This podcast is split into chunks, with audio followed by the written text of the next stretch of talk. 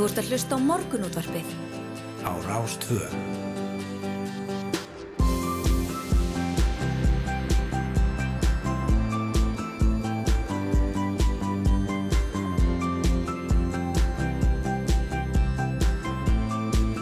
Morgunútvarpið Á Rástvö.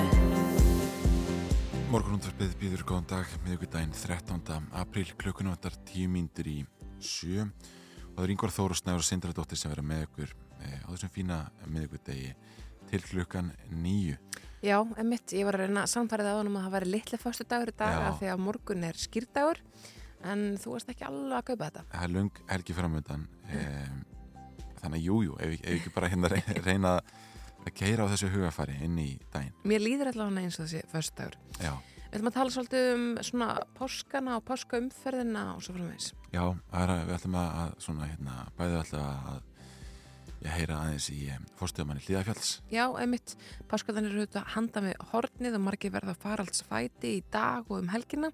Veðrið lítur best út á Akureyri og á það stóla starfsmenn Hlíðafjalls.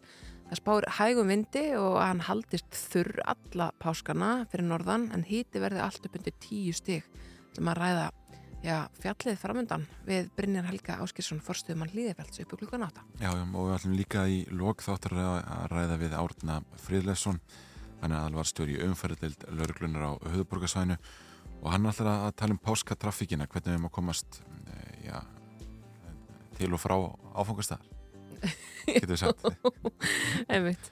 En á laugardag þá fyrir fram húðflórveisla í yðnum til minningar um fjölni Geir Bragarsson húðflórara sem lést í desember síðaslinum. Fjölni var ábærandi karakter í miðbæraikjaukur og á nokkur svafa þekktasti húðflúrari landsins en á laugardag ætla margir af bestu húðflúrurum landsins sem að, já, já, eftir eru ef svo morði komast að taka höndum saman og flúra í minningu hans og til styrtar fjölskyldans að fjölni lætur eftir sér þrjá sinni og þrjú barnabörn. Við fáum til okkar skipulegenda herleheitana Pál Skeving Þorstensson. Það er kannski gaman að nefna það að eitt af svona síðustu viðtölum sem að fjölinir fór í var hér í morgunúðvarpinu hjá okkur huldu í oktober. Já, skemmtilegt Við ætlum líka að beina sjónum okkar að ástandunni í Úkrænu en frost er í viðræðum um friðamilli Úkrænu og Rússlands og pattstaða komin upp. Þetta sagði Pútín Rússlandsfórseti við fréttamenn í gær og kendi Úkrænumönum um. Og við ætlum að heyra í Óskari Hallgrímsinni, ljósmyndara sem er búsettur í kænugarði. En um, mér skilst hann hafi verið í borginni að Borjanka í gær um, það sem ekki stendur stein, yfir steinilengur og eðilengingin er algjör og um, já, við höfum reglulega hirti í Óskari sem er núna farin að ferðast á þessi hann, fór til Bútsja til að mynda Mm -hmm. myndaði þar og, eh, er svona að, að fylgjast með framvöndi mála hana Það hefur líka óljósar fregnir búrist af því að möguleg, mögulega hyggist rússar beita efnavopnum í innrásinni í Ukrænu auk þess að vísbendingar þykja upp um að slíkum vopnum hafi verið beitt í borginni Mariupol þrátt fyrir að Vladimir Silenski í Ukrænu fórseti segist ekki geta staðfesta með óvíkjandi hætti. En okkur hér í morgunúttarpinu leikur hugar á að vita hvers konar efnavopn séu til hvaða áhrif þau hafa fólk og hvernig þeim sé beitt Til að ræða þessi mál þá fáum við til okkar Kristínu Ólafsdóttur, dósent við Háskóla Íslands og deildarstjóra rannsóknarstofi Livja og Eituröfnafræði. Já, og síðan er það eldra hinsegin fólk Já, einmitt. Viðar Eggertsson leikstöri og eldri borgari skrifaði áhugaverða grein í frettablaði gær þar sem hann talaði um hættuna sem væri á því að hinsegin fólk af hans kynnslótt þurft að fara afturinn í skápin þegar á dvalarheimili væri komið. Í þessu sammengi bent hann sérstaklega á að í aðgerra áallinni málutum hinsegin fólks árunum 2022-2025 sem nú er til umfyllunar í allsherjar og mentamálanemnd sé hvergi vikið orðum að þessum viðkoma hópi, þar að segja hinsegin eldriborgurum. Viðar verður gestur okkur hér í upphafi þáttar. Já, einmitt Og svo skjánat kom batna, einhver. Jú, akkurat, það var kveikur í gær sem fjallaði um skjánokun batna og úlninga sem er róður samfélagslegt vandamál sem landsmenn þurfa að takast á við í saminningu og mati geðlætnis á landsbítalanum sem rættur við í þættinum.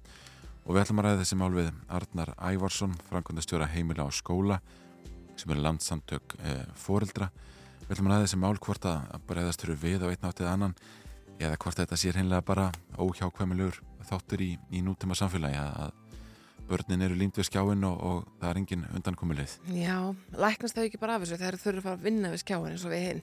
Já, við erum bara þreytt á þessu. Já, bara, þá er þetta hægt af aftæringagildi og alveg orðið bara eitthvað leiðindi, sko. Já, Skrifstofa vinnan, hmm. hún, hún kæfi niður e, skjánótkunina minnur. Ég veit ekki. Ég veit ekki. Hér á forsiðu fréttablasins er um, talað um að bóðar hækkanir uh, þrýsti á verðbólguna. Dæmi sé um alltaf 15% verðhækkanir í einu vettfangi á matvælamarkaði. Kaupin munu vart aðra eins bylgu hækkana en aðar hagfræðingur Íslandsbanka segir áhrif og verðbólgu vera áhyggjuefni. Já. Já, já. Það er hérna tölverið rættum um fjármálan núna í, í, í kjölfræðsa stríðs og í aðranda sveitarstofnarkostninga. Mm. En hér á fórsvíði morgunblansins er rætt við Fridrik Jónsson, formann bandalags háskólamanna um þessa tilögu Solveig Rannu Jónsdóttur sem er nýttekin við sem formaður eflingar í annarsinn um að segja öllu starfsfólki félagsins upp störfum. Eh, til að var samþitt af stjórn eflingar og stjórnarfundi í fyrradag. Og Fridrik segir hér, mér finnst þetta óhugnanleg aðferðafræði. Við í verkefliðsreiningunni myndum bregðast hratt við einhver á vegum atvinnureikenda myndi beita svona aðferðum og eru misnóta lögum hópu uppsagnir mm -hmm við tilkynningu frá baratölustanum sem Solveigana leiðir eða leiti í síðustu eh, stjórnarkostningum segir að breytingar innan eflingar séu hugsaðlega innleiða samræmi, jafnbretti og gegnsægi eh, í launakjörum starfsfólks innleiða eðlert bílmiðli hæstu og legstu laun á skrifstofunum og gera aðrar lungu tímabarir og nöðsynlegar breytingar á skipulagi. Einmitt. Það er svolítið áhugaverð frétt sem er vísa hérna í af uh, forsvíu fréttablasins blasjöð 2 Uh, að slökkvilið á höfuborgarsvæðinu vinnir nú að átaki til að bæta kynbundin vinnustada kúltúr. Konin innan liðsins segja mikið valda ójafægi innan þess og þurfa að þóla niðrandi aðtásendir með borð að breyna vera of kynþokkaföllar fyrir kallana í slökkviliðinu og uh, já, það eru tvær konur, Hallveig Gummistóttir og Áslug Byrna Bergsvinsdóttir sem hafa stígið fram og líst þessu erfiða hlutskipti Það segja, það starfa báður hjá slökuliðinu á höfuburgarsvæðinu og segja að valda ójabæði sig gríðarlegt, erfitt sé eiga rötti svo miklu minnilhuta og jafnvel síðan búið að brína storka hjónaböndum karlana í liðinu með því einu að vera konur. Þetta er, já, þetta er hérna ansi forvitnilegt. Það tala hérna við Jón Viða Mattiasson slökkulegstjóra sem segist kannast við málið að vísar á mannuðstjóra slökkulegsins Guðnýju Elisabethu Ingadóttur Guðni segist ekki draga upplifun Hallvegur og Áslögur ef að margt eru betur og farinan liðsins í þessum málum og markvist sé unnið að úrbótum. Það starfaðans 12 konur í slökkuleginu af um 180 mann sem gangavaktir. Fyrsta kona var árið 2008 og Guðni segir að nú standi við fræðisla fyrir allt starfsfólk og engum stjórnendur.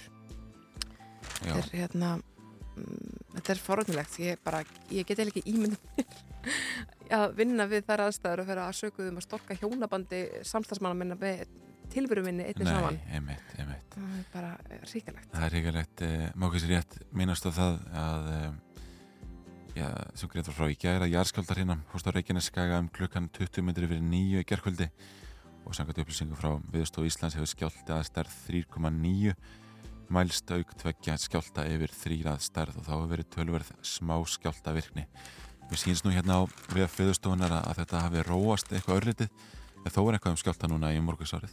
Já, já, einmitt. Við förum að skipta að vera fréttastofu og heyra sjöfréttinar og komum svo vörmu spóri með já, spík fullan þátt, maður segir ekki slúðis. Pakk fullan þátt. En fyrst... Þú ert að hlusta á morgunútvarpið. Á Rástvöð.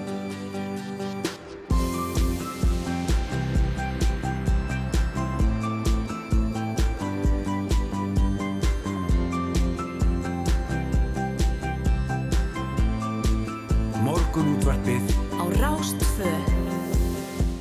Já, við bjóðum enn og ný góðan dag hér í morgunútvarpinu á Rástföð Snæður Sindardóttir og Yngvar Þór Björnsson við ætlum að vera með ykkur til klukkan nýju og það kennir ímis að grasa í þætti dagsins, við ætlum að ræða aðeins ferðarlegum páskana, við ætlum að tala um húðflúrverslu til minningar fjölinskers Bragasonar og húðflúrara, við ætlum að ræða stríðið í Úkrænu hér í tvígang og svo ætlum við að tala aðeins um óhaflega skjánundkunn barna, við ætlum að byrja þáttin með viðri Eggertsinni, leikstjóra og eldriborgara og ræða, já þá hættu að hins einn eldriborgarar farið aftur inn í skápin þegar að á dvalarheimilega komið. Já, einmitt, en þú talar um páskana og, og þá hugsaum við um veðrið. Í dag verið það söð austlægar áttir, kaldiða strekkingur og dálítil væta á sunnaverulandinu en bjartviðri fyrir norðan og rignir við um landamorgun en þurftamestu norð-austalans og hlínandi veður í byli og áfram söðulagar áttir um páskahelgina og dálítil væta, engum sunnan og vestan til að fer að kóluna smám saman eh, fyrst á Vesturlandi. Og eftir helgi snýst líklega í norðaustanáttir og kólnar þá enn frekar. Og samgöngur um helgina ætti þó að vera með skástamóti sér hér í hulengum veðurfræðings. Og viða ágættis útvistafæður því hlutu að fagna núna eða páskana. Já, já, já, sjálfsög. Mm. Hér á vegagerðarinn segir að um páskaveði gildi sömu þjónustutímar og um helgar en þjónusta á dinnindisheiði og öksi verði háð veðrið þó stemt sig á að þjónusta þær heiðar alla daga. Eh, það er mikið til greiðfært á vegum utan vestferða á Östurlands í dag en þar er enn vetrarfæri. Á Suðvesturlandi hafa myndast hólur í vegi og Vesturlandi sömu leiðis. Eh, á vestferðum er snjóþekki á Stinginsferðar heiði og dinnindisheiði en þar er innbreytt á köplum hálku blettur á fáunum öðrum leiðum en ófært í norð, norður í Árnesrepp þó að unnið séð mokstri. Að norðausturlandi er þæfingsferða á hófaskarði og hálkaða hálkublettir víða á fjallvegum en greiðfærta mestuleiti á lálendi. Á austurlandinu er snjóþekja hálkaða hálkublettir á mörgum leiðum og reyndir að ferði álf, álverðir eða ferði. Og Suðurlandi hafa hólur myndast víða í vegum og vekkfændið beðnum að sína aðgáta meðan unnið er að viðhaldi. Mm. Það verður unnið að þrifum í nálfæragöngum í dag, 13. april og brúin yfir Kelduhál og Sandholmavegi er skemmt eins og margóft hefur komið fram hér í þettunum. Já, einmitt. Stærnast það spurning hvort þið fáum fyrsta lag dagsins. Já, er það ekki bara. Þetta er lagið Geimfarar með hugin, þetta er í tölurri spilin hér á stöðinni ykkar allra í dag. Ég er umkring til liði en samt inn manna. Fyrir hún núl upp í hundrað eins og geimfarar. Ég veit ég íti þér burt Veit ég íti þér burt Veit ég íti þér burt. En please ekki fara. Mm, Please ekki fara frá mér. Please ekki fara Please ekki fara frá mér Finn fyrir pressu sem þrýstir á. Að gera þetta núna og annað þá. Ég flækir hluti átt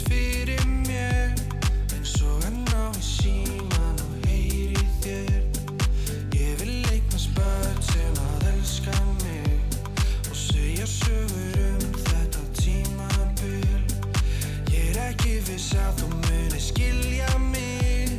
Ég fjarlægist þig alls ekki viljandi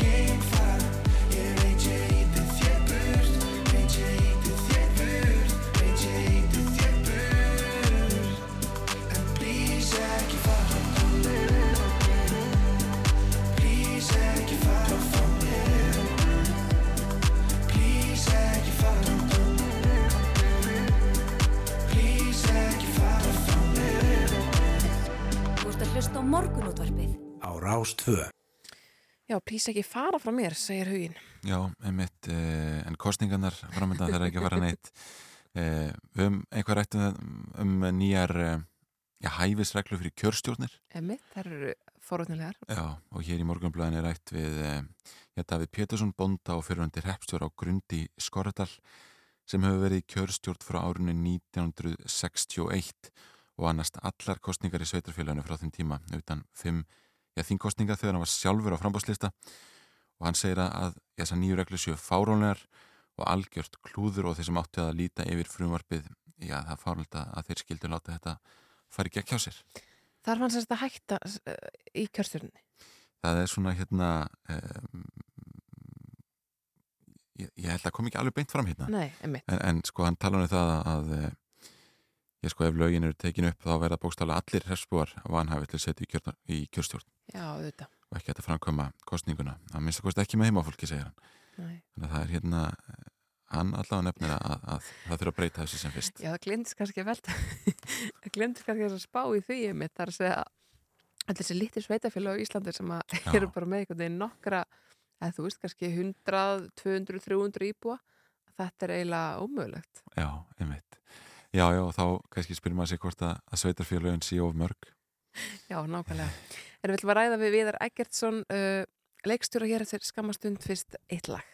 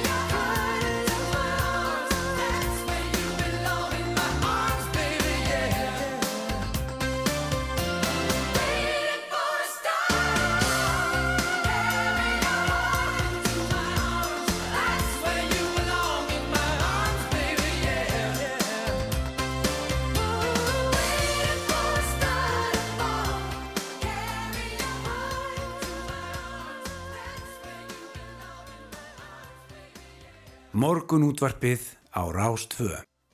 Viðar Ekkertsson, leikstjóri og eldri borgari skrifaði áhugaverða grein í frettablaðið í ger þar sem hann talaði um hættunum sem væri á því að hins eginn fólk af hans kynnslóð þurfti að fara aftur inn í skápin þegar á dvalarheimili væri komið.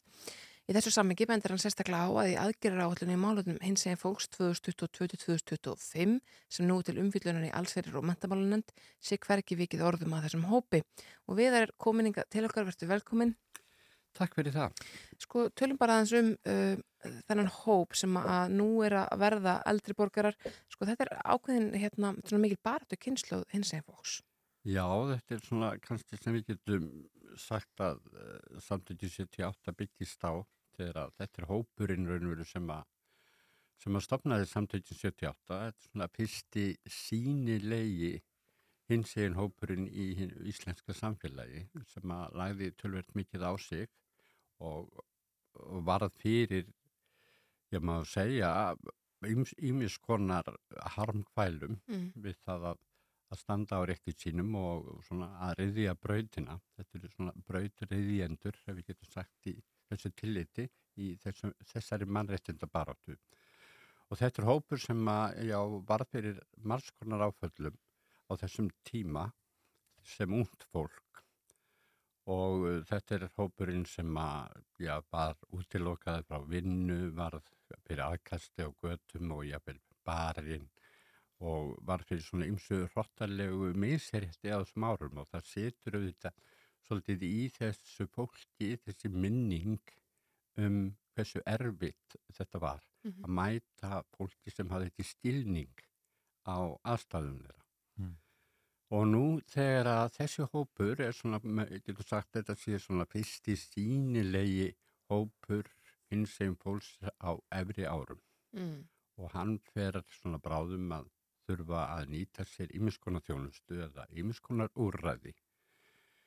Og þá óttast ég, eða ef ekki er hugað af því, það er ekki meðvitund um það, að þessi hópur getur orðið fyrir því að við þessar aðstæðu þegar hann þarf að vera upp á ókunnuga komin í ýmiskonar þjónustu þarf ég að opna heimili sitt fyrir ókunnugu fólki og vera einn með einhverju fólki sem að þekkir ekki að því að hann er upp á komin í þjónustu og svo hins vegar hann gæti líka þurft að búa í einhvers konar sambíli við fólk sem nefnir ekki valið sér. Mm.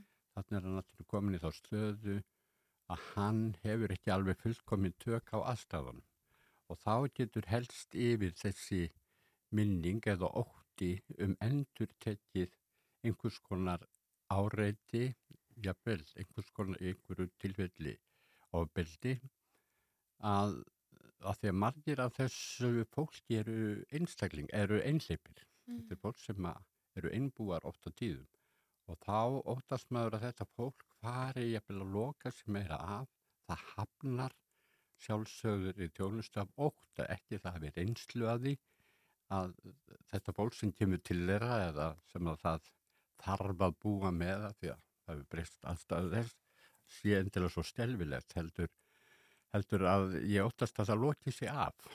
Mm. Það fari sem þetta hafna í miskona þjónustu af ótta við að upplifa aftur í nýju samhengi að þeir eru raun og veru er ekki alveg með stjórnin á aðstæðunum að þá geti þetta ekki erst að fólk fara einangra sig, verði einmanna og svona lokið sig af. Já. Þetta er sem sagt, með þessu er ég ekki að segja að það sé sjálf gefið að verði, en við þurfum að vera meðvituð um það og þess vegna þegar að þessi tingsálítunar tillega kemur fram, svona aðgerðar áallun sem er veitum, svakalega gott að svona aðgerðar áallun sé gerð, en það er verið að tala um eitthvað mópa Mhm. og vissulega sko stelvilega stelvilegt ef að þessir vikvæmi hópar sem þar eru tilgrindir verða fyrir einhverjum og að stiljum hlutum og ég er ekki kannski að rýða þá heldur. Ég er að vekja aðtigli á að við erum kannski að gleyma hugsanlega hópi þarna sem er að byrtast sem við skulum hafa líka auga með Mm. og vera vakandi fyrir. En hvaða áhrif hefur það að sko alþingi skilgrinni hóp í viðkvæmum stöðu?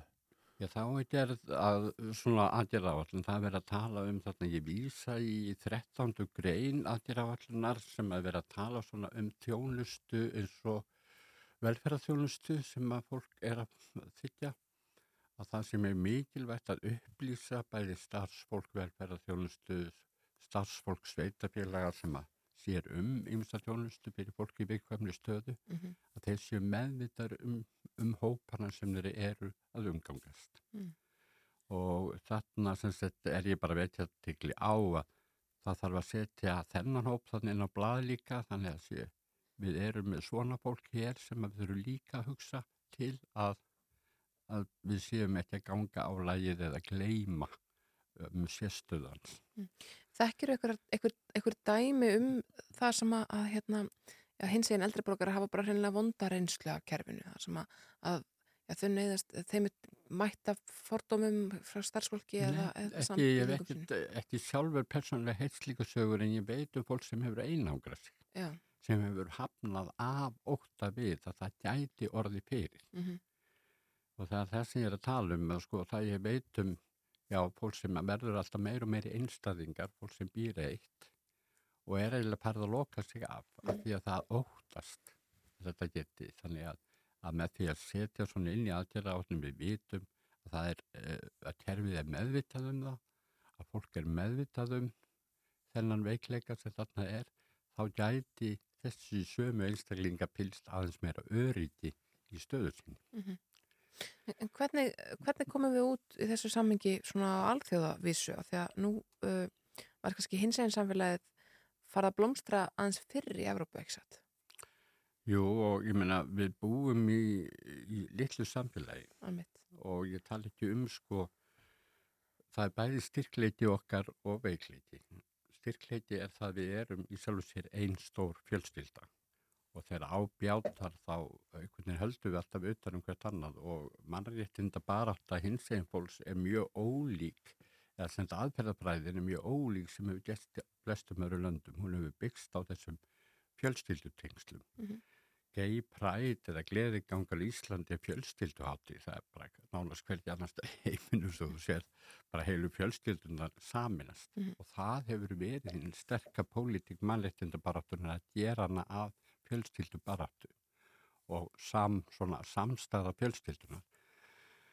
Uh, svo kemur þetta móti að við erum kannski sko að staða þeirra sem eru verða meira á berangri í litlu samfélagi, sá, sem stendur út úr, hann getur ekki horfið í fjöldan og þess vegna verður þetta kannski líka umhugsuna verðt fyrir sveitafjölu út á landi sem eru að veita öldrunarþjónustu að hafa líka þennan vikvama hóp í huga að, að þetta verður svona eins og, já, þetta er bresku þáttum sko, the only gay in the town sko, verður eins og, eins og, kindill sem gengur um gödunar, sjálflýstandi kindill á.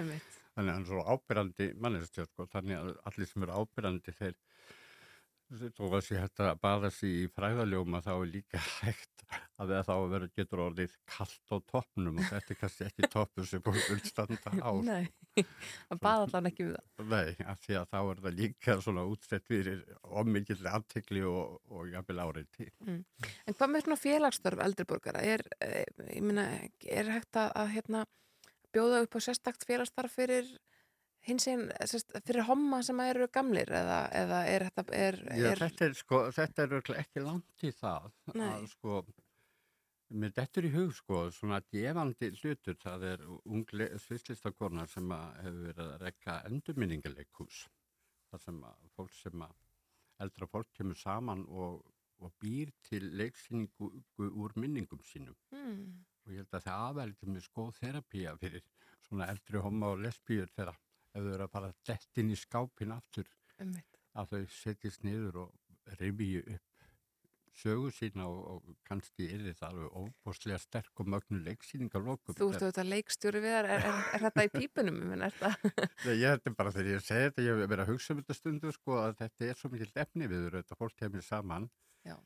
Gamalmenna, homma og lesbíu leiku segir mannreitindabaróttuna sína frá yngri árum. Já. Þetta er orðið svolítið mögnu leiksýning. Já, heldur betur, algjörlega. En kannski langt í það að við sjáum homma elli heimili eða lesbíu Já, við skulum líka passa, ég hef alltaf verið svona svolítið gegn svona gettóværingu. Nákvæmlega. að við skulum aðeins, jú, auðvitað bara velur fólk sitt búsæri formi svo það vill en, það er ekki sjálfgefið að ef einhver er í hann þurfi svona einangra sig og loka sig frá öðrum og, og byggja vatna vekki í kringum hópin. Mm Vonastu til, vonastu til þess að, að svona þessi málflutningur, þessi grein verði til þess að alþengi já, skoði það að koma uh, umfjöllur um þennan hópi í aðgerra allir í málefnum hins eða fólk sem að Ég- er núna til umræði. Já, þetta er allavega að opna það að það eru kannski fleiri hópar en þegar eru í tingsálíktunni, kannski eru minnst aðrir hópar en þessi, það er einhverju sem kannski vekja aðtekli á öðrum Mhm. hópum sem er í veiklistöðu. Við eigum á þessu stíi menn að þetta er tingsálíktunum til að vera opinn fyrir því að, að hún geti tekið breytingum og, og við komum auga á fleiri hópar sem við þurfum að huga að. Það eru fengið einhver viðbröð frá stjórnvöldum eftir að skrifa þessa grein. Nei, ekki núna en ég, ég hef engar áhyggjur, ég held að stjórnvöld alveg hlusti aktof á mig. Aktu á því, gott. Við erum ekkert svo leikstjóri og eldri borgar, takk kærlega fyrir komuna í morgun útvarpið. Við fyrir að skipta og heyra frétta yfir til eftir skamastundingar. Jú, og síðan ætlum við að ræðast ástandið í Úkrænu og eh, mögulega nótkun á efnavopnum. Já, emitt, við ætlum að ræða það við Kristínu Ólafsdóttur, dósant við Háskóla Íslands og dildarstjóra rannsóknastofi Livia og eituröfnafræði. Hún ætlar að segja okkur allt sem hún veit um efnavopn, hvers eðlis þau eru, hvaða tegundir eru, ég ætla ekki að segja bóði, en Mm. e, já, hvaða möguleikar, eh, hvað, hérna, Já, áhrifin og, og hvernig hún var að segja þetta að það verða einhvern veginn óviðandi já, áhrif þeirra og, og, og svo framvegs þetta er hérna, svo ætlum við að tala um óhaflega skjánutkum barna Já, einmitt, það var rættið það í kveiki í ger. Við ætlum að skipta yfir á fréttastofuna.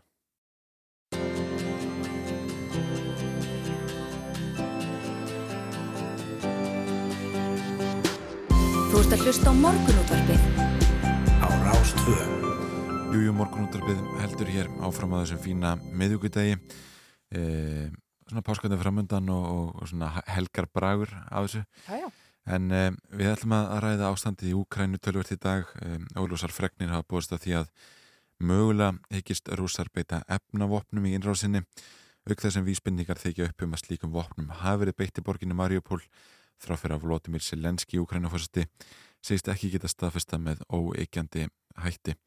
Og okkur hér í morgunundarpinum leikur hugur á að leika já, sem velta fyrir okkur eh, hvers konar efnavopn eru til, hvaða áhrif þau hafa fólk og, og hvernig þeim er beitt og Kristín Ólastóttir, dósent við Háskóla Íslands og deildarstjóri rannsótastofu í Livja og eituröfnafræði komninga til okkar góðan daginn. Góðan daginn. ef þú segir okkur eins fyrir maður sér yfir svona já, þessi helstu efnavopni sem að orði komast hver eru þau og, og hvaða áhrif hafa þau á fólk ef þeim er beitt Um, það er alls konar efnavapn til og hafa verið notið gegnum aldinnar. mm -hmm. Uh, en þessi hættulegustu sem menn hafa mest ágjur af það eru taugaitur. Svo kvöldi organ og fósfött eða lífræn fósföttefni sem að uh, eru mjög öflug og, og virka í mjög lágan styrk og, og drepa fólk uh, á bara nokkru mínútum. Mm. Þannig að, að og þau svona, það eru nokkuð dæmum að þau hafa verið notuð með svona skelfilegum af, afleðingum fjölda fólks uh, sem hafa dáið. Mhm. Þannig að, að ég held að, að menn hafi mest áhyggjur af svoleiðsefnum. Mm. Og, og hvernig er dreifing slíkar efna?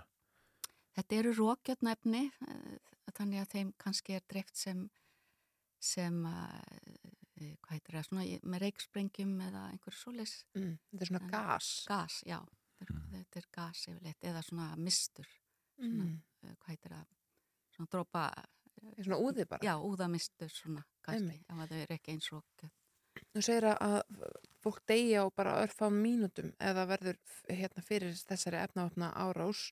Um, hvað, hvað gerist því líka mann?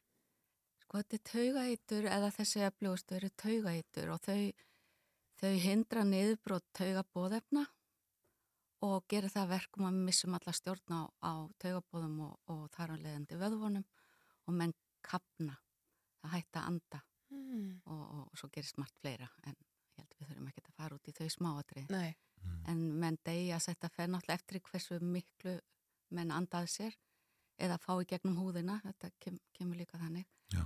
Eh, en, en eh, svona dæmum að menn degi svona eh, á einni til tíu myndum. Já, en hvers vegna eru þessi efni til í hvað er verið að nota? Er verið að framlega sérstaklega bara til að, að nota í hernaði? E, já, þau voru svona oft held ég uppálega not, uh, þróuð s- til að búa til skortireitur og við erum með skortireitur sem eru af sömu gerð en bara alls ekki virka ekki eins á fólk ekki, ekki svona vel eða ekki svona í svona litlum magni. Og, og uh, svona öflugustu skortireiturinn í dag eru af þessari gerð. Mm. e, parathíón og malathíón eru dæmi sem hafa verið hér á markaði sko. en, en hérna, þessi eru bara hafa, hafa þróast þá held ég svona í framaldi af þessari því að menn hafa verið að, að skoða þetta og, og, og fundið þessi öflugu uh, efni. Þannig að þegar að við kaupum okkur skortireitur sprúsa út í búð á sumrin þá er þetta það sem að við erum að nota á það eru á- líka á til alls konar önnur skortireitur en þetta eru svona þessi sem að eru öflugust af því sem erum með og, og lík, ég þekki nú ekki alveg reglugerðir á Íslandi Nei, með það en svona oft er það, er það þannig að fólk sem fær að nota þessu öflugu uh, skortireitur þau, þau, það eru þeir sem þurfa að fara á námskeið og, og, og kunna að verja sig og meðhendla þessi efni. Mhm. en þannig að ég held að við þurfum ekki að hafa miklar ágjur af því, því hér sko ef ef þetta er leift þá, þá á þetta að vera óhætt Sko, eru ykkur önnur efnavopp sem að, að, að svona, að því veit að þú fórst aðeins yfir þetta þegar ég hringdi því í gær, er ykkur önnur efnavopp sem að, að hérna, hafa önnur áhrif heldur en þetta? Já, já, það eru, það eru mörg önnur fræg eins og sinnipsgas Mm. sem að var nú eitthvað nota hér í, í setni heimstyrjöldinni eða, eða brettarnir voru með þetta og við höfum fundið að það hafa komið upp sinnipsgas sprengjur í, í Faxaflóa til dæmis. E, það, og það e- er annars konar efni sem svona meira svona ætir og, og brennir lungun og, og bara er ekkit, ekkit skemmtilegt heldur og alls konar önnur efni og þetta er svona það sem allir þekki er, er táragas sem að mettilega segja sé, sé efnavopn en, Mhm. en það er held ég engin dæmi að nokkur hafi dáið af því það Nei. er bara uh, irriterandi eða ertandi og, og er leifti vildum allan heim að nota af lauruglu yfirvöldum en uh, öll hinn eru yfirvöld uh, hafa öll, allar þjóður heim skrifað undir að eigi ekki að þeir munu bæði eigða því sem þeir eiga og ekki nota Mm. En nú er ofta rætt um það að, eh, að svona mögulega hafi efnavopn verið notuð og, og það liggur ekki alveg fyrir en það eru þeir sem rannsaka stríðskleppi komast ekki á vettvang strax. Liggur, er alltaf augljóst eftir efnavopna árás hvaða efni hafi verið notuð eða hvort að þau hafi yfir höfuð verið notuð. það, það er svona, ég oftast eigðast þessi efni bara í, í, í, með vatni og, og, Og bara öðru. rigningu. Já, bara eigða sko gufa burt og annað. Þannig að það er erfitt að finna efnin en, en, en e, ég held að það sé augljóst ef þú skoða líkin að, að, og þú finnir þau eflaust í líkunum. En, og bara af einkjönunum. Það er að segja, ég, þá nú er ég að hugsa um taugaeitrið Mm -hmm. og, og bara einkennin og, og hérna held ég get, ég held þarna það, þetta, það eru dæmi, nýli dæmi um, um notkunni og þarna í Íran-Írak stríðinu og, og fleiri fleiri tilfelli þar sem að menn þóttust ekki verið nokkrum vafum að þeir hefðu notað þessi efni. Það sem að sést bara að það verður ykkur bráðköpnun að kannski á þess að þessu aðrir áverkar á líkinu eða eitthvað. Já, menn fá krampa þeir degja á krömpum og og, og, og hætta að geta andan. Mhm. Þannig ég held að séu auglust og svo, svo geta þeir a- öruglega mælt efnin í líkonum. Mm. þegar ég trú ekki öðru. Uh, Þú ert deildarstjóri rannsóknastofu í Livja og eituröfnafræði. Sko, hvað eru þið að rannsaka er valla, ef, valla efnavopn.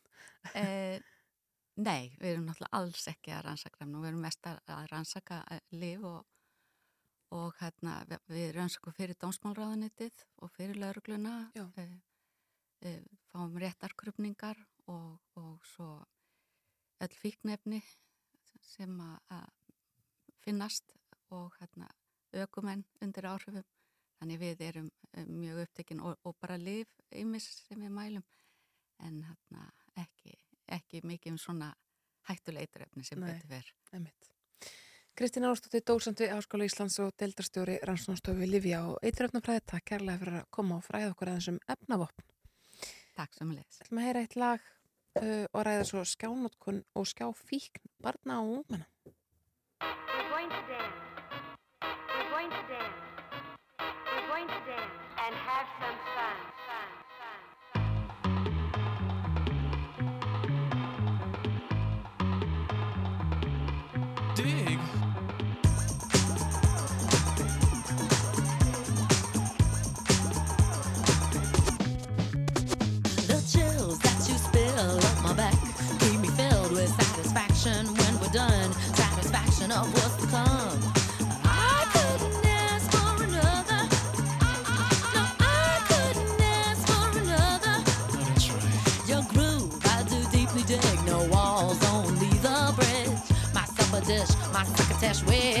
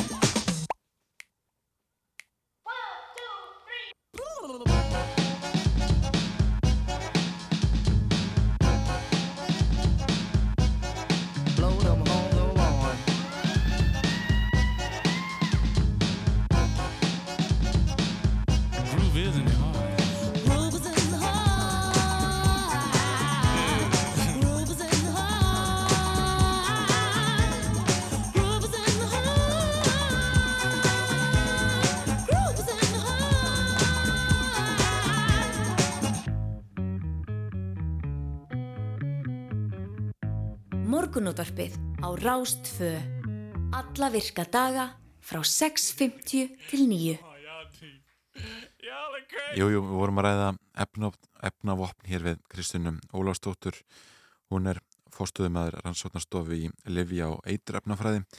En okkur langar að ræða kveiksþáttin í gær kveikur fjallaðum óhoflega skjánótkun barna og úlinga sem er orðið samfélagslegt vandamál sem landsmenn þurfa að takast á við í saminningu að mati gælætnis á landsbítalunum sem rættur við. Nú Arnar Ævarsson, framkvæmdastjóri heimil á skóla er komin ykkar til okkar. Góðan daginn. Já, góðan daginn. Hvernig sló þessi kveiksþáttur þig? Já, bæði upp og niður, getið þið sagt held ég. Það var margt mjög fróðlegt og gaglegt en það var líka svona sumt dreigið fram sem kannski er svona full svarta okkar mati allavega. Mm.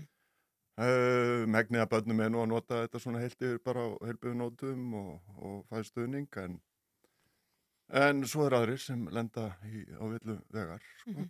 En hvernig me- metið þetta, Hvo- hvort að börn sé að nota, eins og þú segir, megniðan börnum er að nota þetta þannig að það sé bara allt innan marka? Já, þetta er allt spurning um þessa heildamynd. Þegar barnið er svona félagslega hérna, virt og áhugamál og námi geng, gengur vel og svo framvegist, þá náttúrulega er þessi svona, er neti kannski ekki stóra vandamálið í sjálfu sér. Þannig að hérna, svona hildamyndin á mm. hana. En eru börn of mikið í, í símanum og, og fyrir fram að skjáin? Já, og mikið og lítið, þetta er alltaf spurning hvað er einmitt þetta eðlilegt sko, þetta er fara að skada líf þeirra og þau eru bara að sofa minna og, og árangurinn á með minni og líðan er all minni, þá er þetta náttúrulega mikið, það er alveg augljóst og en það er alltaf spurning hvernig við ætlum að vinna með þess að þetta líka, hvaða tæki væri líka í þessari, þessari miðlanótkun, þetta sé ekki allt bara svo eitthvað skadvaldur og, og neikvægt sko, þannig að hellinga tækifærum og börn er að vinna, nota þetta bara á helbriðu nótum, þetta er bara spurningu fræðslu og fræða fóreldra og, og svo frá með þess. að þú nefnir, nefnir fóreldra uh, sko, við erum auðvitað fyrir myndbatan okkar það kemur Mhm. að þessu. Við þurfum, sko, bæði erum mikið í símanum, menn þurfum líka að vera svolítið mikið fyrir framskjáin, við þurfum að vera svolítið mikið í vinnu eða, eða í samskiptum við alls konar fólk.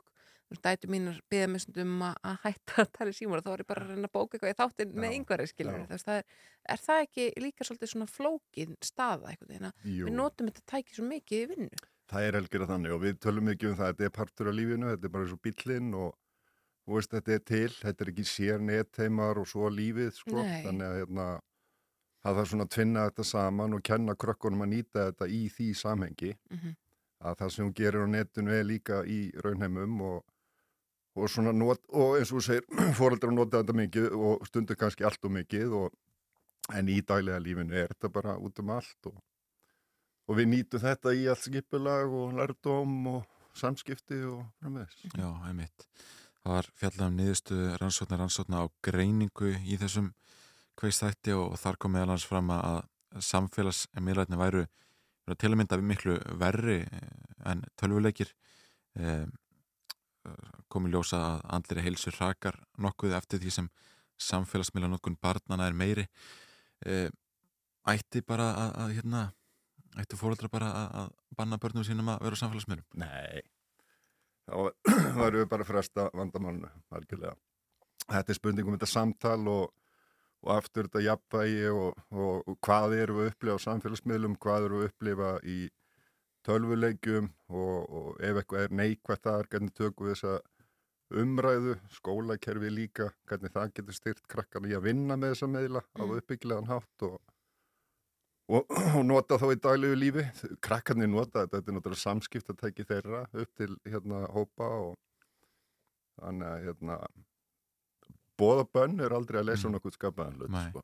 En það er að breyðast við á, á einhvern hátt það er náttúrulega fræða, það er fræða krakkana um þar ógnanir sem búa að þessu og þau tækifæri líka sem eru þarna Uh, það þarf að fræða fóreldra hvernig þau styðja börnin og, og vinna með þeim og fá þau til að tjá sig að þau lenda í einhverjum ógöngum og þannig þetta er allt spurningu fræðslu til fóreldra og barna, Mhm. skólafólks líka Mhm. Þannig að það er raun og veru þannig að eins og til miður svo oft er að börn sem eru kannski í svona með viðkamastu heimilsaðstæðunar og í viðkamastri stöðu andlega að þau eru kannski útsettust fyrir mestu vanda þegar það kemur að þessu. Það er minnsta utanumhaldið og, og þau jafnvel eiga mestu hættu að, að svona hverfa aðeins inn í skjáin. Já, börn sem búa þessar aðstæðar eiga- eru alltaf í mestu hættu fyrir öllu, hvað sem áfengi, tölfur, uh, hvað sem er, sko.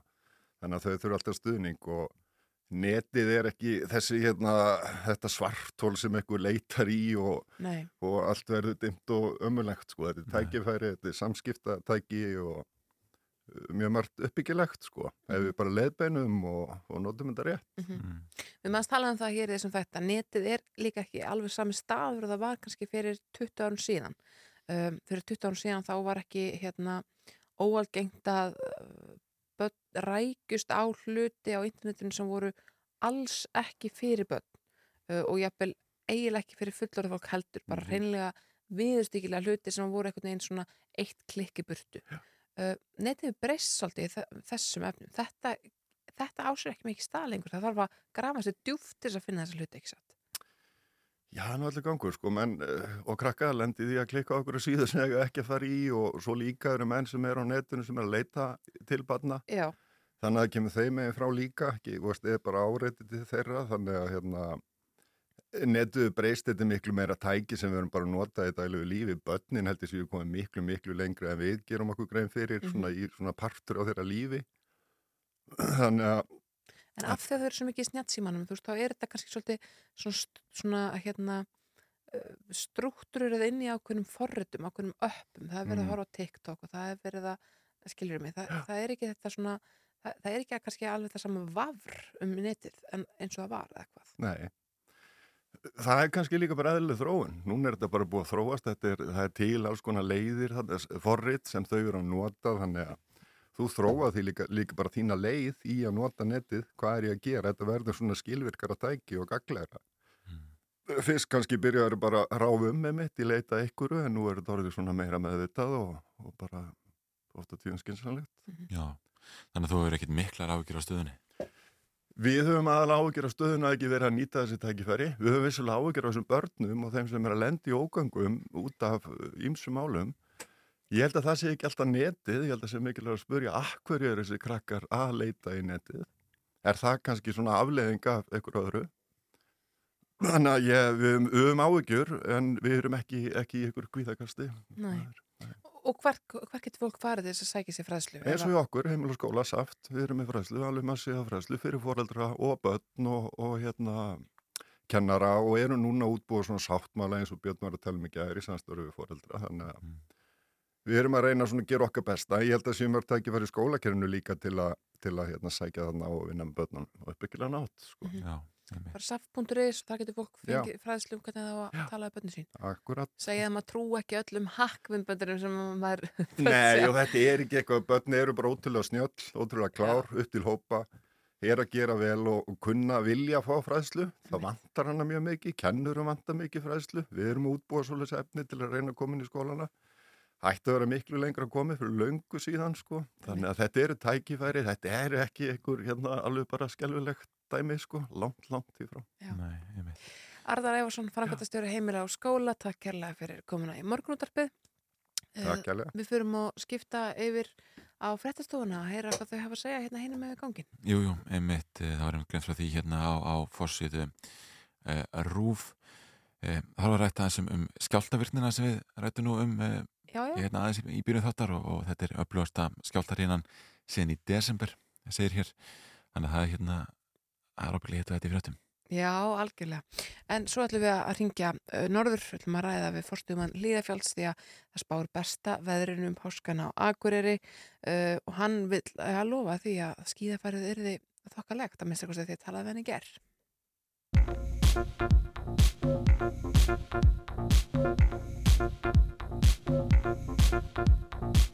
I still have last night in my body. I wish you were with me.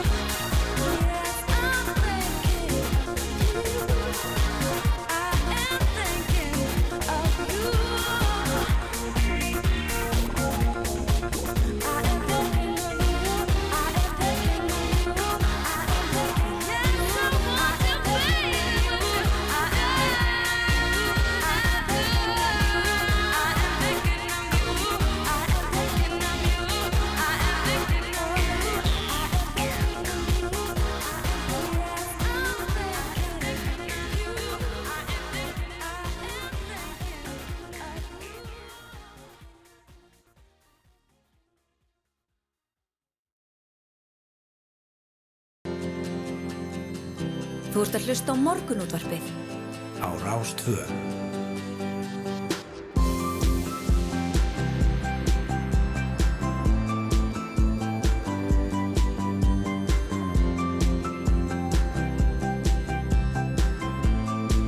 Morgunútvarpið á Rástfö. Jújú, áttafréttir að baki og morgun útvarpið heldur hér áfram Ingvar Þór og Snær og Steindardóttir með okkur til klukkan nýju í dag. Margir svona að gýra sig inn í eh, langa helgi. Já, páskahelgin, það er alltaf bestu, það er alltaf bestu frítíðarnir sem bjóðast um páskana. Já, já, einmitt. Ekkert stress, ekkert vesen, en bara alveg, hvað, fimm frítíðar, er það ekki? Já, Fjórir? og síðan kemur hann Fimm? sumardaginu fyrsti núna hvað á fimmtudag, fimmtudaginu næstu já. viku þannig að það hérna, er einhverju sem lengja þetta enn frekar þannig að já, já, og við ætlum að taka þess miða þessi þætti dagsins, við ætlum að í lók þáttur ætlum að heyra í Árna Friðlefsinni hann er yfir umfyrirlaugluna á höfuborgarsvæðinu hann ætlar að segja okkur svona frá páskatrafíkinu og hvernig við komumst örug út úr borginni og, og inn í hana á, á næstu klukkutími, getur við Já. sagt Við ætlum líka að heyra í Brynjar Helga Áskilsinni forstuðumanni Hlíðafells hér eftir skamma stund en uh, hvað er mikilvægra en músík í lífinu? Fátt, er það ekki? Er Keflavík, Englana borðatans Allir dagar er svo nættir í diffjusjó Mínir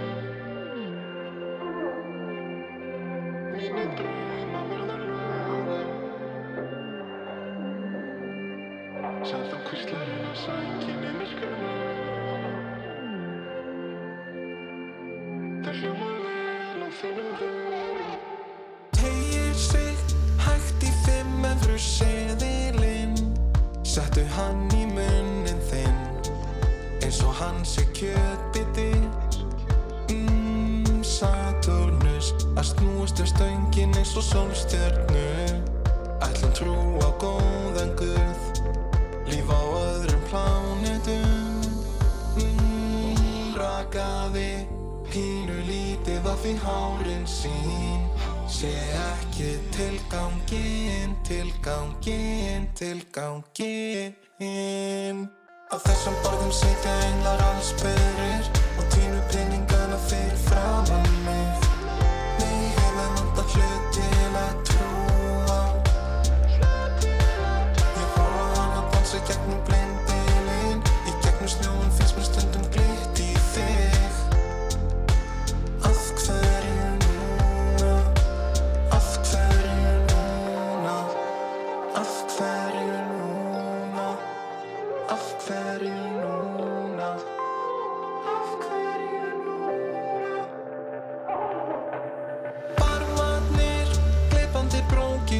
faðmurinn á móður sem heldur um barnið sitt. Þegar hún beigir sig mm, Ég veit ekki. Þegar hún fær mér undir nösinni Vil ég að hún elski mig? Og spyr ég hvort ég finni til.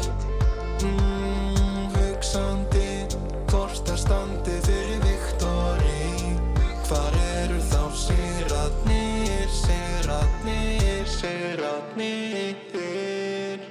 þessum borðum sitja englar allsberir og tínu peningana fyrir framann mig Mig hefur vantað hlut til að trúa Ég horfa á hana dansa gegnum blindbilin Í gegnum snjóin finnst mér stundum glitt í þig Af hverju núna? Af hverju núna? Allir dagar eins og nætur í dýflissu. Mínir drauma verða lögum. Sem þú kvíslar inn á sængin í myrkrinu.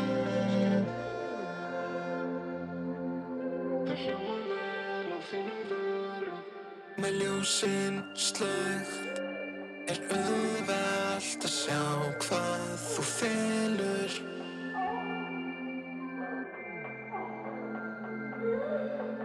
Með ljósin slögt Er auðvelt að sjá hvað þú felur.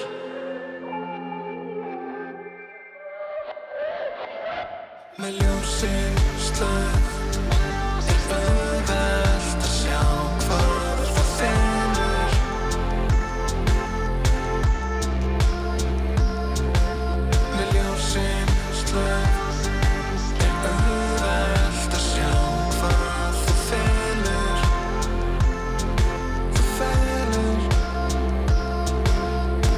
Vaknaðu með morgunúttarpinu á Rástfö. Jú, jú, það eru margir á faraldsfæti núna enda páskarnir að hefjast. Besta verðum páskana verður á Akureyri ef að miður tekið af spá veðurstofu Íslands. Brynjar Helgi Áskilsson, forstuðumæður Hlýðafjalls er komin á línuna hjá okkur. Góðan daginn. Já, góð daginn. Búist þið við mikillega ásokn í fjallið um helgina? Uh, já, ég heldur búinst við alveg bara nokkuð góðri, sko. Kanski ekki eins og, eins og hérna, kannski síðastliðin ár, það er náttúrulega flott færi og mikil stjóri. Já. Og hérna, svo er líka bara maður að heyra að margir eru bara að ferðast erlendis, nýta tækifærið að loksins það, hæ- loksins sé það hægt, sko. Þannig að ég heldur búist alltaf við, við mjög góðri ásókn en, en kannski ekki einhverju, einhverju, einhverju met. Ekki örtrú og trafík bara. Ég held að það væri bara rosa flott, flott hérna, hérna aðsókn. Já, já. Það er alltaf met fjöldi á, á Tenerife, við heyrum það í fréttum hérna um daginn. E, sko, hvernig var þetta hjá okkur í fyrra? Var, var alveg hérna eitt hellingur af fólki sem kom þá?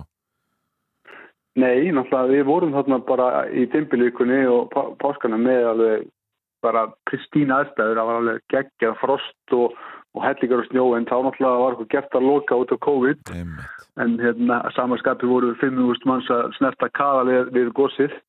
Já. En sko þú talar um frost, það spáir svo frekar heitu á Akureyri um helgina, alveg bara nýju stigum á köplum, byrjunum 5 til 9 stig. Eh, Þarf ekki að hafa ágjörð því að það sé of heitt fyrir skíðaðukkun? Nei, ég held að við þurfum ekki að ágjöra því akkurat núna. Ég held að við séum með uh, fyrst það er nætur frost og, og við erum hóttir er í 500 metrum þannig að það er svona það er aðeins kaldar á það við, við, við erum búið kannski við svona max fjársta hitta hjá okkur Já. á þessum tíma þannig að og líka það er í rauninni ekki, ekki hérna, það er skíjað spánir eru er hérna, það er ekki sól þannig að það hjálpar okkur líka en það er sól í dag reyndar heiðskipt en þá að vera hérna allskíðað eh, alveg fram á sundag, sínist mér. En, en þá, þá haldast þurft og þá að vera svona frekar hægu vindur, þannig að þetta er eiginlega bara príma, príma aðstæður, ekki satt? Já, jú, þetta er lítið bara rosa út þannig að við erum bara rosa þakklátt fyrir það Mm. með við allan læða gangin sem er búin að dinja yfir okkur þá, þá er þetta bara rosalega tægilegt sko. já, já, einmitt. Það verður mikið um veikind í samfélaginu. Er, er, er af starfsfólki tilbúið til að taka móta þessum fjölda?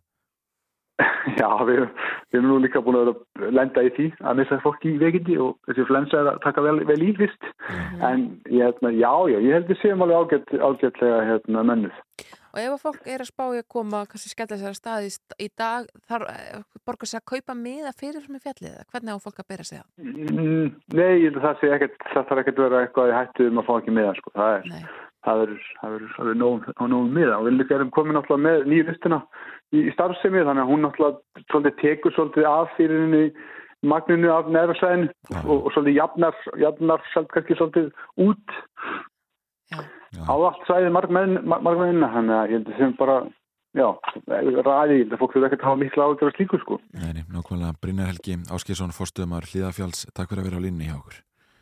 Já, takk fyrir að hafa saman, bless, bless. Við ætlum að skella ykkur á skýði einhver. Já, ef ekki bara leggja á stað núna hérna. Beint eftir þátt, Við verðum hérna til klokkan nýju með ykkur ágættu hlustendur. Bjóðum upp á eitt og annað á þessum uh, miðvikudegi sem að ég hef búin að reyna nokkur sinnum að kalla litla föstudaga af því að, að því að það er fimm daga helgi fyrir Já, já, og við ætlum að heyri Óskari Hallgrímsinni sem er búsettur í Kænugarði hér eftir fáunar mínútur. Einmitt. Fyrst flýtt út makk.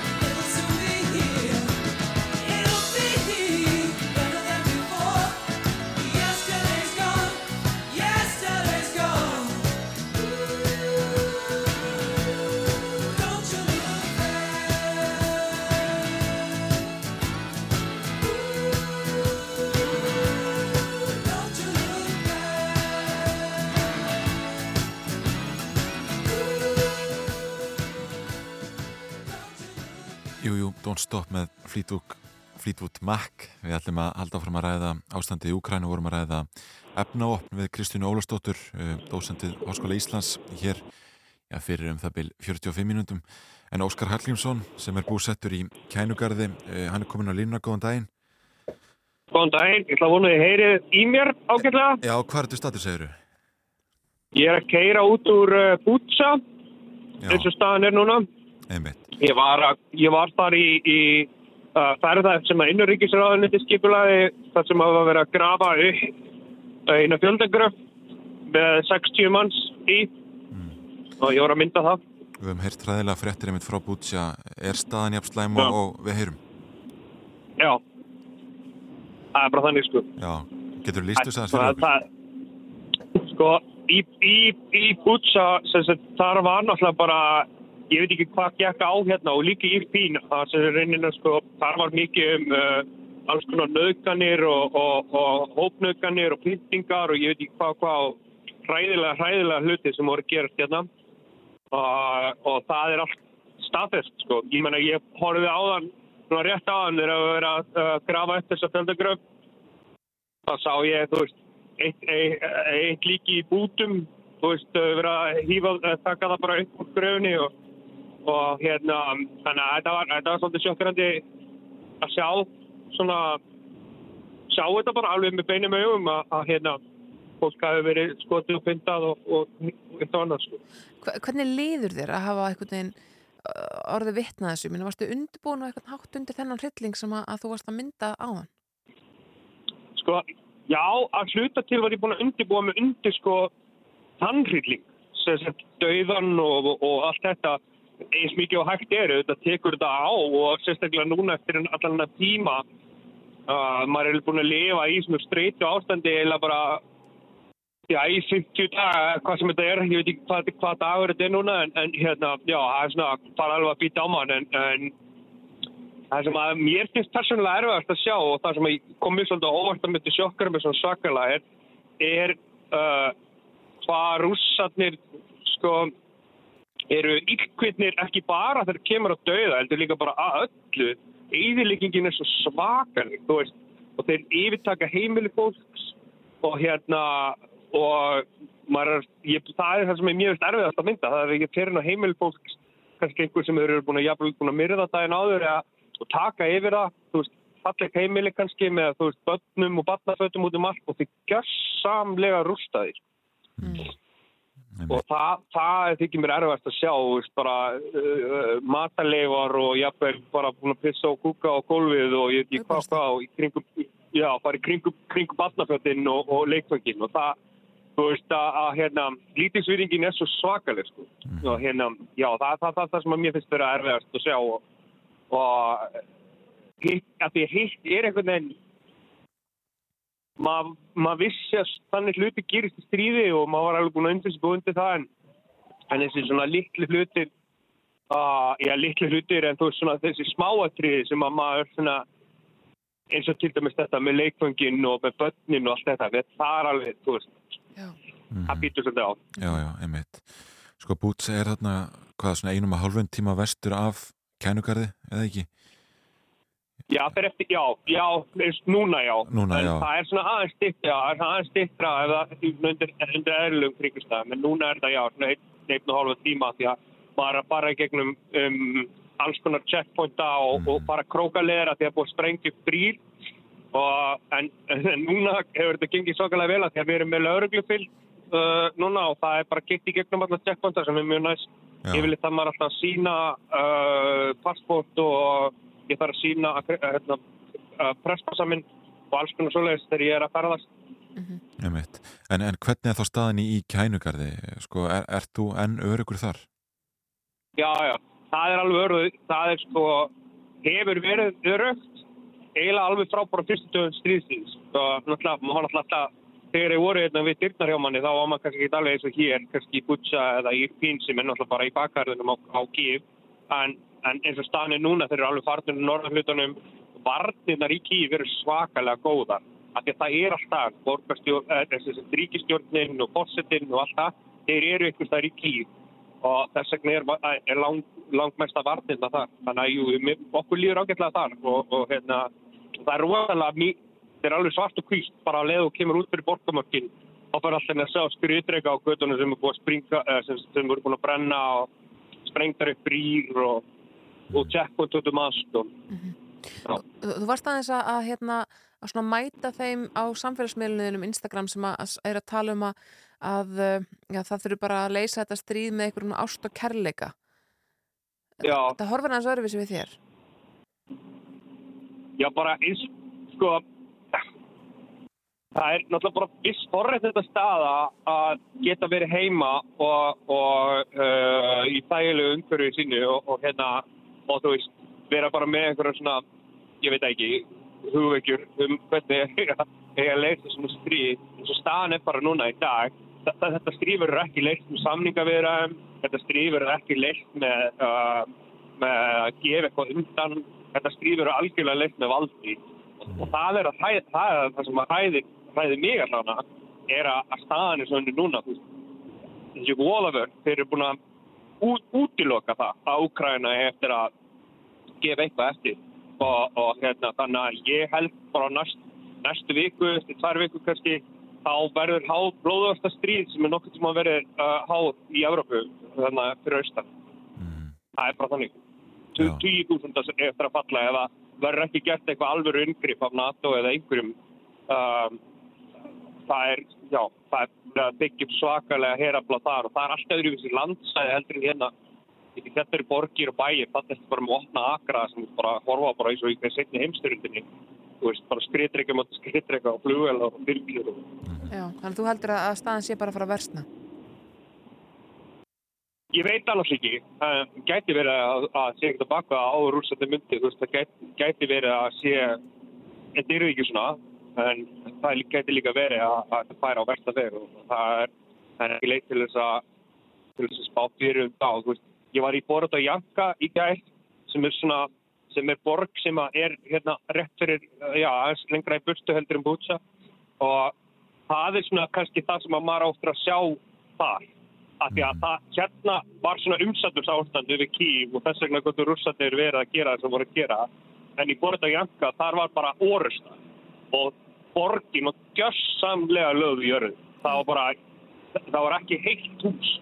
Og, og hérna og það fannst mér það, það, mér finnst það ágættu spyribúði um það þegar þeir eru bara farin að skjóta flugskettum uh, skriðdreika mútið skriðdreika þú veist bara eins og í setni heimstyrundinni eins og gerðist þar þegar það var verið að fara yfir stóru landsæðin í Þískalandi ég held að það eftir að gerast á þessum svæðin sko.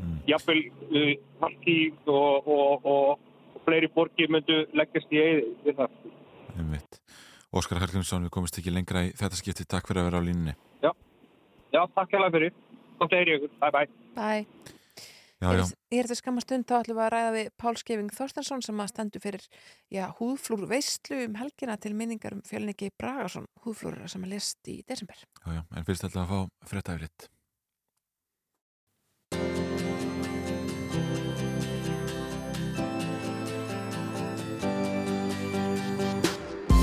ert að hlusta á morgunútvarpið Á Rástvö Jú, jú, áfram höldum við. Landsins þekktasti húðflórari fjölnugir Bragason lest í desember síðaslinum og á laugardag þá eh, stendur fyrir ja, mikil veistla í Yðnó, honum til heiðurs og til stuðnings uh, afkomundum hans, þeim þremur sónum og þremur barnaböndum sem hann uh, lét eftir sig þegar hann lest.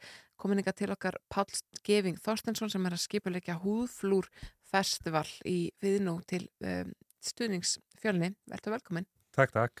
Segðu okkur aðeins frá bara já, tilur þessa, þessara hátíðar og, og hvað stendur fyrir dyrum? Þetta kemur í rauninni til. Þau, það eru listamenn sem að komu til mín því að nú hef ég verið að skipulegja hátíðir með fjölni núna í bráðum áratug Mm -hmm.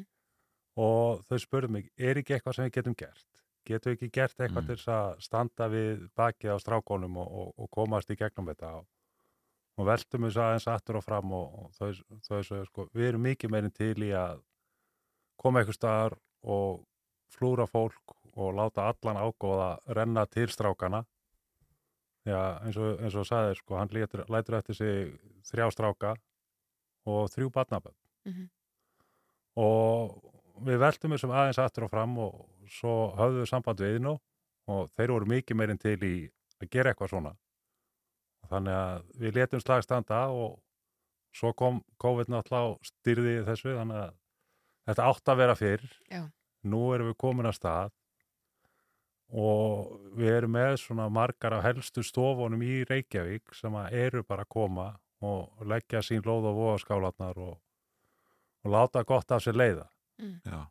Það er svona þar sem að þetta byrjaði hjá okkur og Mm.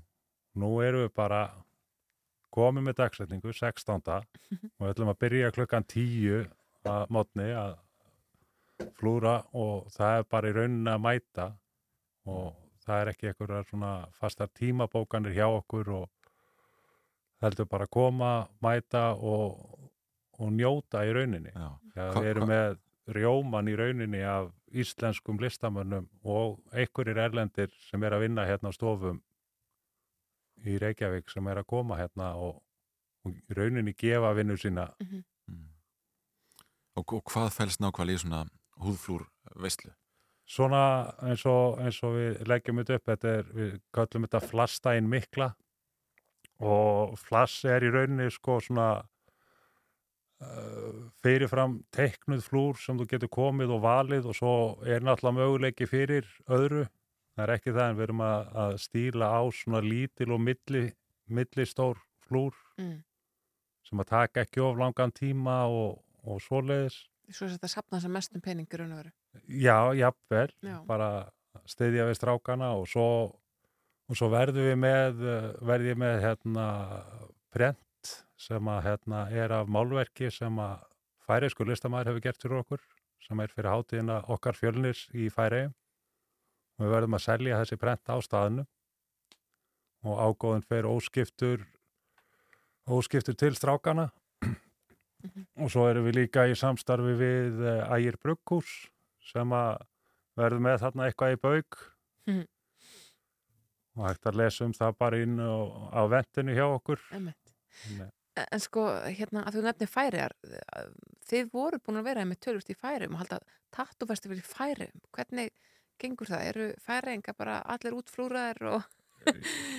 Sko, ég get sagt að í byrjun þá gekk það alveg mjög brösulega hjá okkur því að fyrsta hátíðin okkar okkur var hent út úr húsinu á sunnudagskvöldi sem Já. við áttum að vera í. Sögum bæði fordóma og annars Það var bara og pólitík og þá þurftu við svolítið svona endur skoða aðstöð okkar. Við vorum búin að bóka listamenn viðsvegar að úr heiminum. Og að fara að segja herðu, sko það var ekki alveg ekki alveg pælingin sko en, en hérna síðan bara heldum við áfram og, og síndum fólki að við erum ekki vondi kalla. Nei. við erum bara svolítið mjúkir strákar sem að við erum svolítið bara svona að reyna að sína fólki hvað er og svo hátíð er að verða tíu ára núna. Og En, við en af hverju færiðar? Af hverju völduðu færiðar fyrir þetta? Ég var að vinna í færi en þá og fjölnir kom til færi svolítið í kringum hérna þessa mynd sem hann gerði með, eða Siggi Palli gerði hérna með flúregar þar sem fór á móti hjólum yfir til færi og, og svona svolítið að segja takk fyrir sig við stuðningin hérna 2007 þar að færiðingar voru fyrstir til að stökkva til að styðja íslensku þjóðina Emmitt. og þar byrjaði það og svo heldum við bara áfram með hátíðina við pröfum einu sinni og Mm. lærðum mikið á fyrstu hátíðinni og, og svo heldum við bara áfram Mm. við letum ekki stoppa okkur og, og nú er þetta svona svona fastur sess í færiðum og, og mikið ungu fólki sem að svona sparar pening til þess að geta komið á hátíðina því að þangað er að koma margir mjög virtir listamenn á hverju ári og, og það er slegist um að komast á hátíðina ég með yfir 400 manns á bygglista Já, já. Já. Þannig að það er alveg talsveit tattoo menning í færi. það er orðin alveg talsvert tattu menning og það eru farnar að spretta upp stofur þar og, og svona og það er gaman að segja því að það er færisk listakona sem á í rauninni elstu tattustofu í heiminum Mhm. sem er í Danmörku Magna. Mm. Uh, aðeins varandi fjölni, uh, það, það, þú segir að það verði þarna rjómin af, af íslenskum uh, listamönnum um helgina. Sko, hvernig kall var hann? Var hann hérna vel liðin og, og er fólk svona þakklátt fyrir einhvern veginn hans arfleið í þessum húflúrheimi? fjölnir í þessum húðflúrheimi á Íslandi og Erlendis þá var hann í rauninni góðsögn Það er bara þannig. það, það, það er alveg hægt að, kvitt undir það og, og ég er ekki að ljúa neinu þar hann hérna hann var svona karakter þar sem hann gætt mætt öllum þar sem þeir voru. Mm. og það skipti ekki máli hvort þú væri fósættisráþara eða hvort þú væri götunar maður í Reykjavík. Ef þú komst til hans og, og rætti við hann þá reif hann í spaðanaður og yfirleitt fjækstu nú knús frá kallinum og, og hann rætti við þig og ég segi það ekki stundum þegar við vorum að fara á milli stað og mæti í vitul og, og svona að við örðum oft seinir því hann hitti eitthvað og, og það að komast frá A til B gat reynst svolítið erfitt. Það er, það er svona og hann var í rauninni sko þegar maður horfir á það og fyrir gegnum hann var alltaf vinur litlamannsins hann var alltaf tilbúin til þess að hjálpa öðrum og, og það sýnir sig líka í, í þeim verkum sem við vorum að gera sko í færi með færiðaháttiðina þar vorum við að styðja við unga listamenn að stíga stokk og, og svo erum við komnir með að við höfum verið með málverk sem að er plakatið fyrir hvert, hvert, hvert ár hjá okkur og hérna málverkið er bóðið upp og ágóðin rennur allur til góðgeramála Mm. og fyrsta góðgeramáli sem við stuttum við það var einhverju félagið þar úti sko Mhm. Þannig að við svona, eftir að hafa talað við stofurnar og, og, og, og annað fólk var áfært mig þá erum við að hugsa um það að halda þessa, þennan dag í hans minningu núna orðið árlega og þá styðja þá við eitthvað góðgeramál einu svona ári og fá allar þess að vera með, allar stofur og, og aðra. Bestamál, Pál Skifing Þorstensson, takk kærlega fyrir komuna í morgunútarpið. Það er að finna allar upplýsingar um þetta á Facebook, Fjölfest, að ekki? Jú. Bestamál, takk aðeinslega fyrir komuna. Ætlum að ræða hér uh, páskaðum fyrir nættir skamma stund. Er smá músík.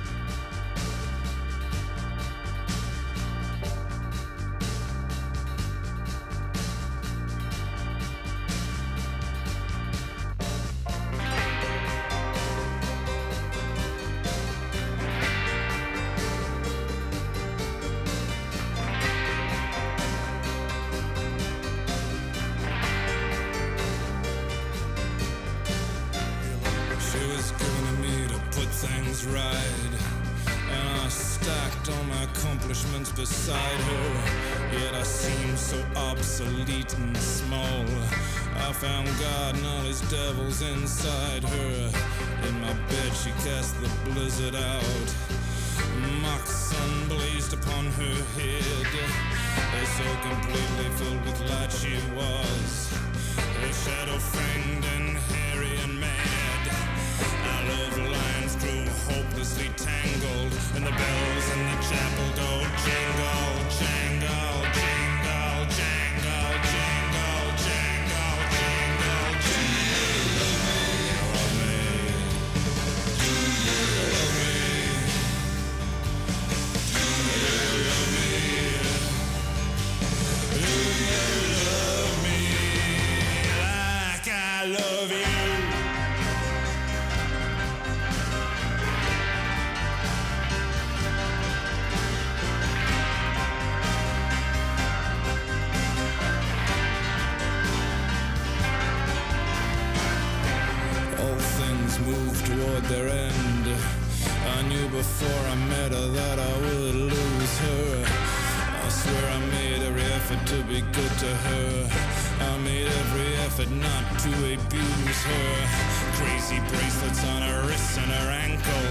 the bells in the chapel go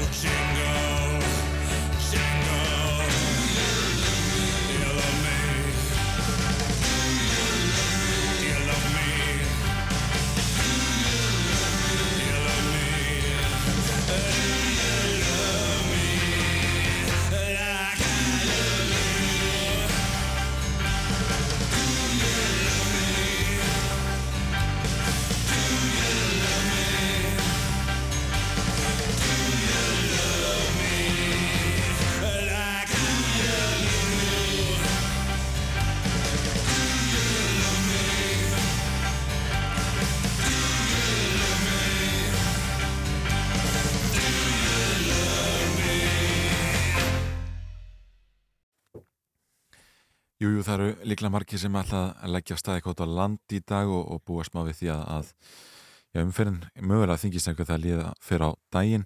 Árni Friljófsson, aðal varstjóri í umferðdeild lauruglunar á höfuborgarsvæðinu komin ykkar til okkar, góðan daginn. Góðan dag. Hvað séu, hvernig er umferðin núna? Er hún farin að þingast eitthvað? Það er nú afskaplega svona lítið sem hún uh, er þung núna allavega í morgunsári. Það er, uh, við sáum það bara þegar við vorum að mæta núna í morgun að, morgun trafíkinni sem hefðbundna, hún er bara engin. Nei. En í gærkvöldi var svona daldið rennir í út úr bænum. Þannig að það menn eru að taka kannilega e, svona páskafríð uh, fyrr heldur en undarfarið. Taka auka dag.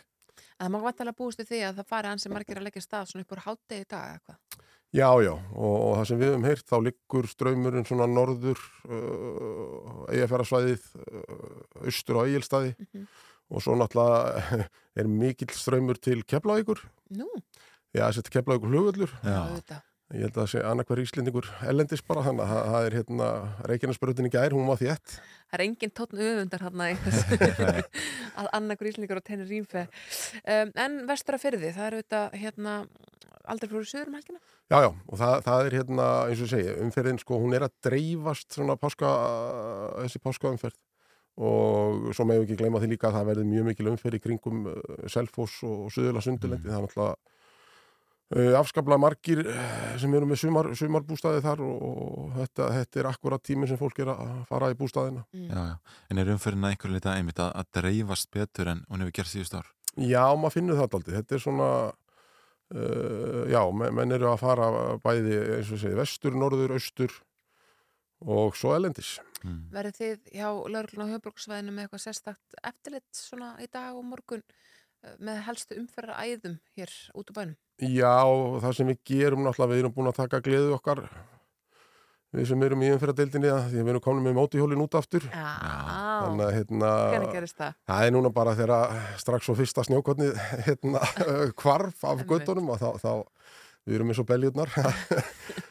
Tökum glið okkar. En, en hérna, jújú, jú, við ætlum að vera að setja upp á þessum þjóðvegum sem liggja hérna frá höfborgarsvæðinu, annars vegar Suðurlandsvegur og hins vegar Vesturlandsvegur. Mhm. og verðum þar á svæðinu svona sínilegir en, en við erum ekki með neitt svona ekstra mannskap úti, þetta er, það eru eh, eins og er á sumurinn hérna, þá eru allar helgar orðnar þungar, það Já. að fólk er á faralsvæti verðið þið eitthvað að mæla?